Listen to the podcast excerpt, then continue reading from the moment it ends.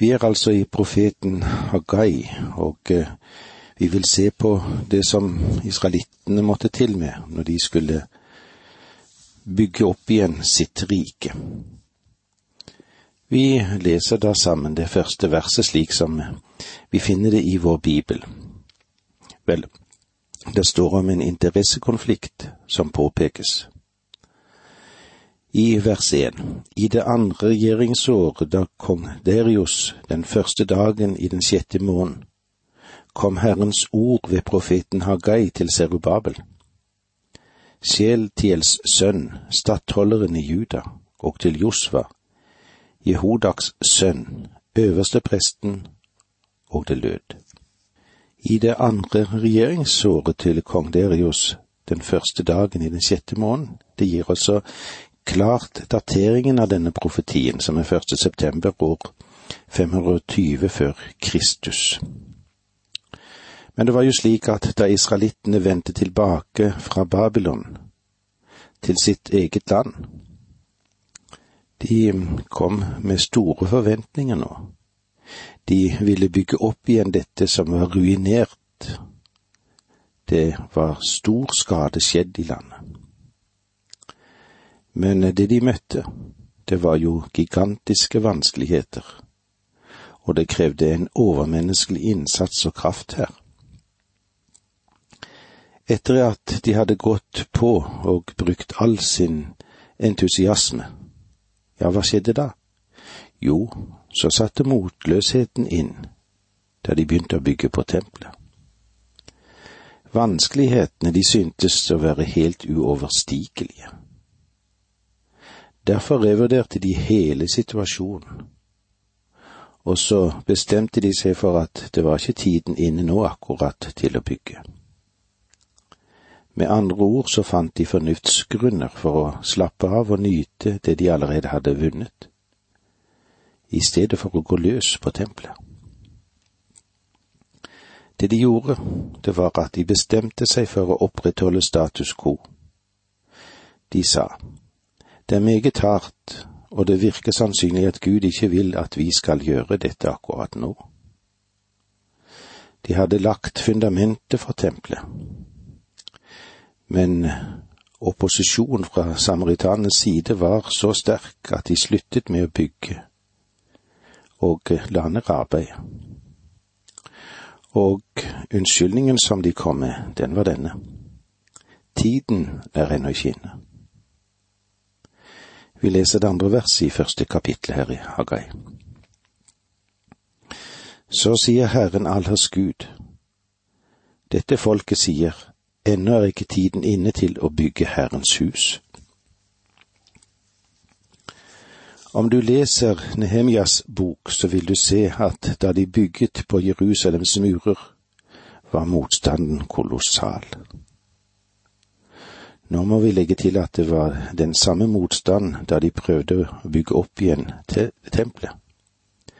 Men denne gangen sa folket, Vel, Herrens tid er ikke inne til å bygge tempelet ennå. La du merke til at Gud sa, dette folket sier. Vanligvis så kaller han de for mitt folk, men ikke her. Med det mener han ikke å si at han avviser de, men han, har, men han er ikke fornøyd med dem. Det er ikke hans vilje, og de dekker over sin ulydighet med en from unnskyldning. Ennå er ikke tiden inne til å bygge Herrens hus. Det Hagai kommer til å si vil såre litt. Han kommer til å sette kniven inn i selve verkene der det finnes, og eh, det kan berøre mange kristnes liv, det. Har du noen gang hørt noen si at de har gitt opp å forsøke noe, eller de avsto å gå hit eller dit fordi det ikke var Herrens vilje? Har du hørt det? Har du gjort det? Av og til vil de si at Herren ledet dem til å gjøre noe annet. Det å si at det er Herrens vilje at vi skal gjøre dette og ikke dette, det er av og til en kristens klisjé, det. Det dekker over en mangfold av synder.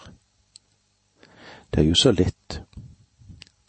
Når forholdene begynner å bli vanskelige og motgangen øker, da er det lett å sende inn en rapport og si Herren vil at jeg skal gjøre noe annet. Det finnes kanskje noen predikanter som òg må si det. Når tingene er blitt vanskelig i en menighet, så har det kanskje blitt sagt. Herren har behov for meg på et annet sted. Og jeg må si at mitt hjerte ømmer for slike forkynnere, for slike prester og predikanter, som virkelig prøver å tjene Gud, men har så store vanskeligheter at det ender opp med at de må si, Herren ledet meg til noe annet. Da Herrens folk begynte å bygge tempelet, og oppgavene ble svært så vanskelig, så sa de, ennå er det ikke, er ikke tiden inne å bygge Herrens hus.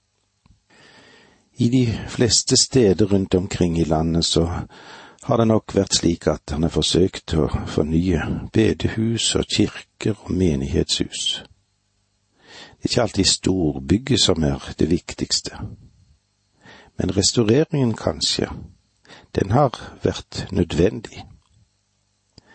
Men ofte så oppstår det samme problemet. I alle menigheter så er det en liten gruppe, kanskje en liten gruppe, og eh, det takker jeg Gud for. Kanskje vi skulle gjøre det. De som ikke gjorde noe, men var meget kritiske. Unnskyldningene deres var alltid den samme.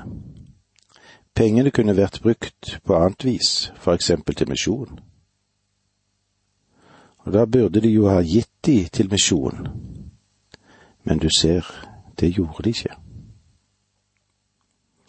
Den folkegruppen som Hagai talte til, fant rasjonelle argumenter på den samme måten.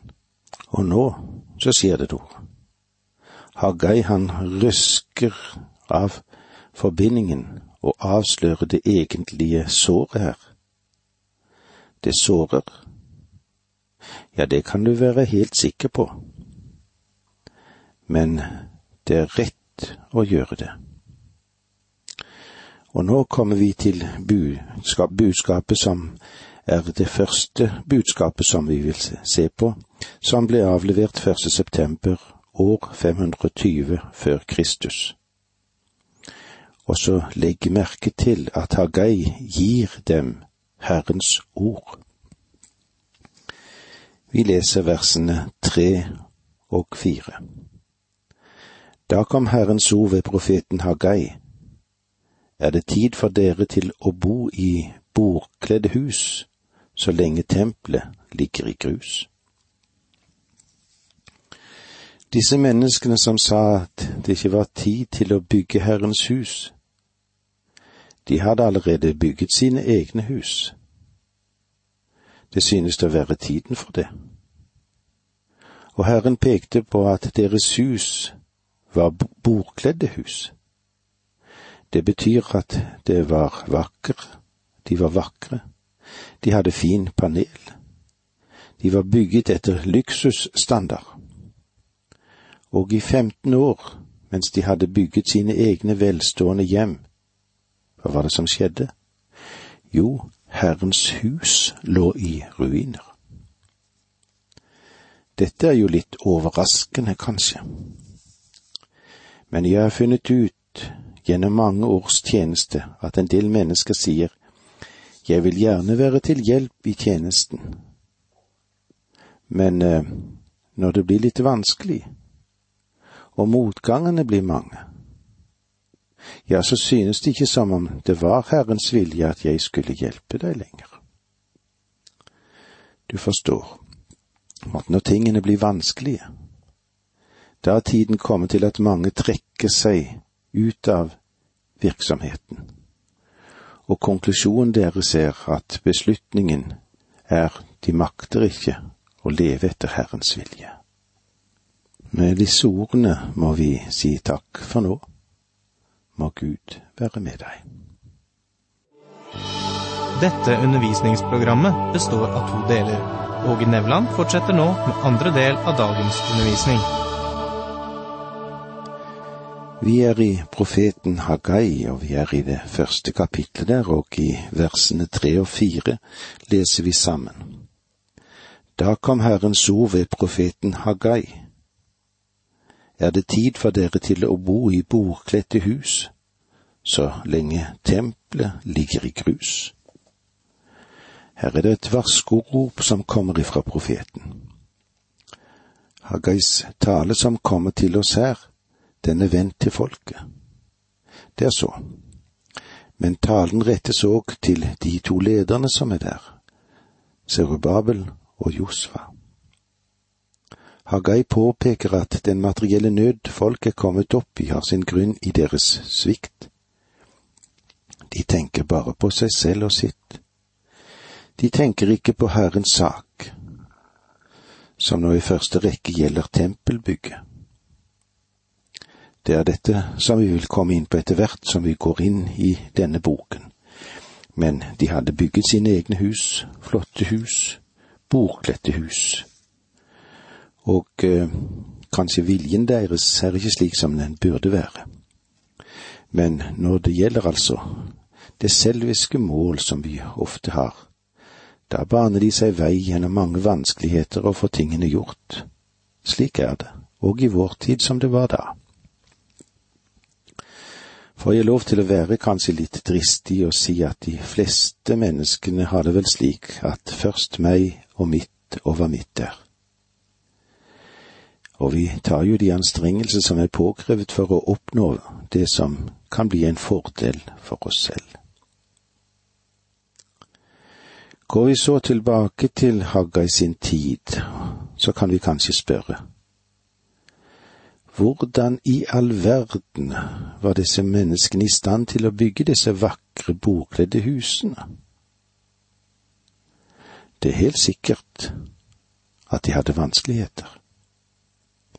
Men de var ikke villige til å møte de samme vanskeligheter for å bygge Herrens hus. Deres vanlige unnskyldning var Det er simpelthen ikke Herrens vilje at vi skal gjøre dette nå.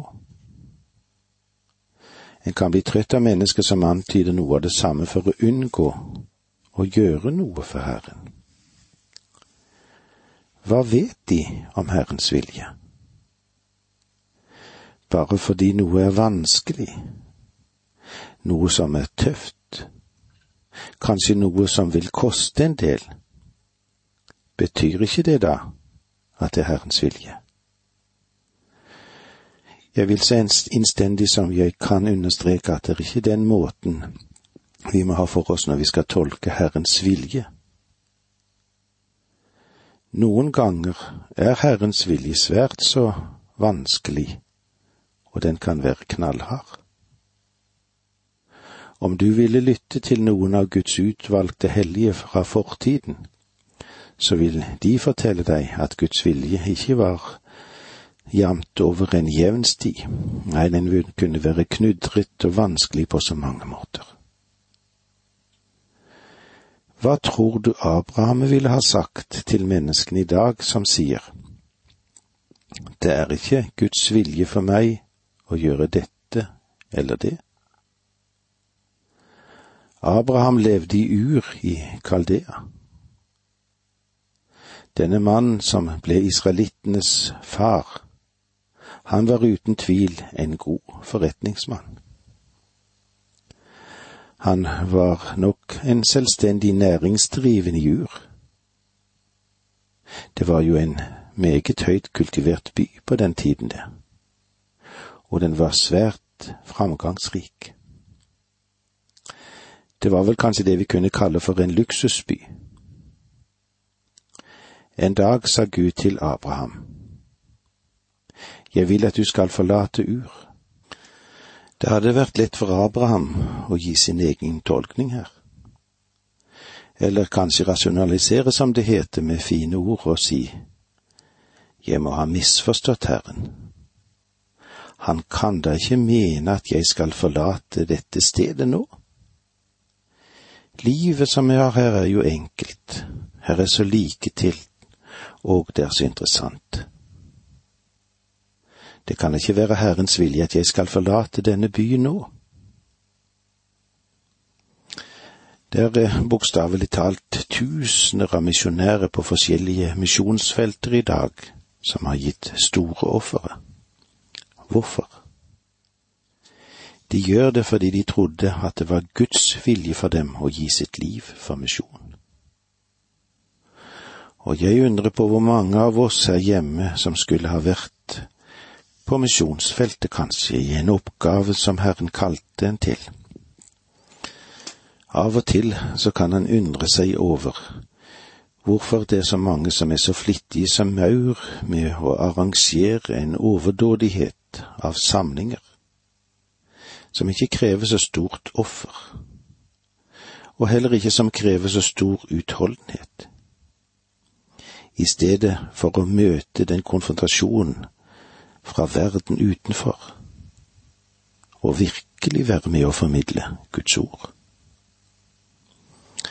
Legg merke til igjen at Haggai gjør det helt klart at dette ikke er hans egne ord, det er Guds ord. La meg få lov til å stille et ganske enkelt spørsmål. Hvor mye bruker du på deg selv, og hvor mye investerer du for Gud? Det spørsmålet kommer tett inn på livet vårt, ikke sant? En amerikansk predikant for ikke lenge siden ble tatt ut til middag av en, av en venn. Det var en god kristen lekmann. Middagen han spanderte på predikanten, den var ganske dyr. Og så ga han servitøren eller kelneren eller hva det måtte være, noen drinks. Deretter dro predikanten og denne rike lekmann på et møte om kvelden for å høre på en bestemt predikant. Og den som fikk den kostbare middagen, skriver. Vi hørte en meget god preken. Og da offerkurven kom, la min venn en beskjeden tier. Det var mye mindre enn det han hadde gitt til servitøren eller kelneren og jeg tenkte med meg selv, du store min, han gir ikke engang Gud skikkelig drinks.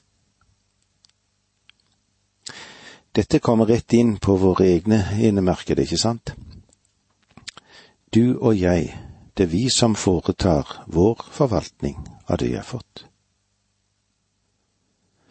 Israelittene sa, det er ikke den rette tid til å bygge Herrens hus nå. Gud sier, Hvordan kan dere da vite at det er tid for dere til å bygge deres egne hjem nå? Dette er jo hykleri.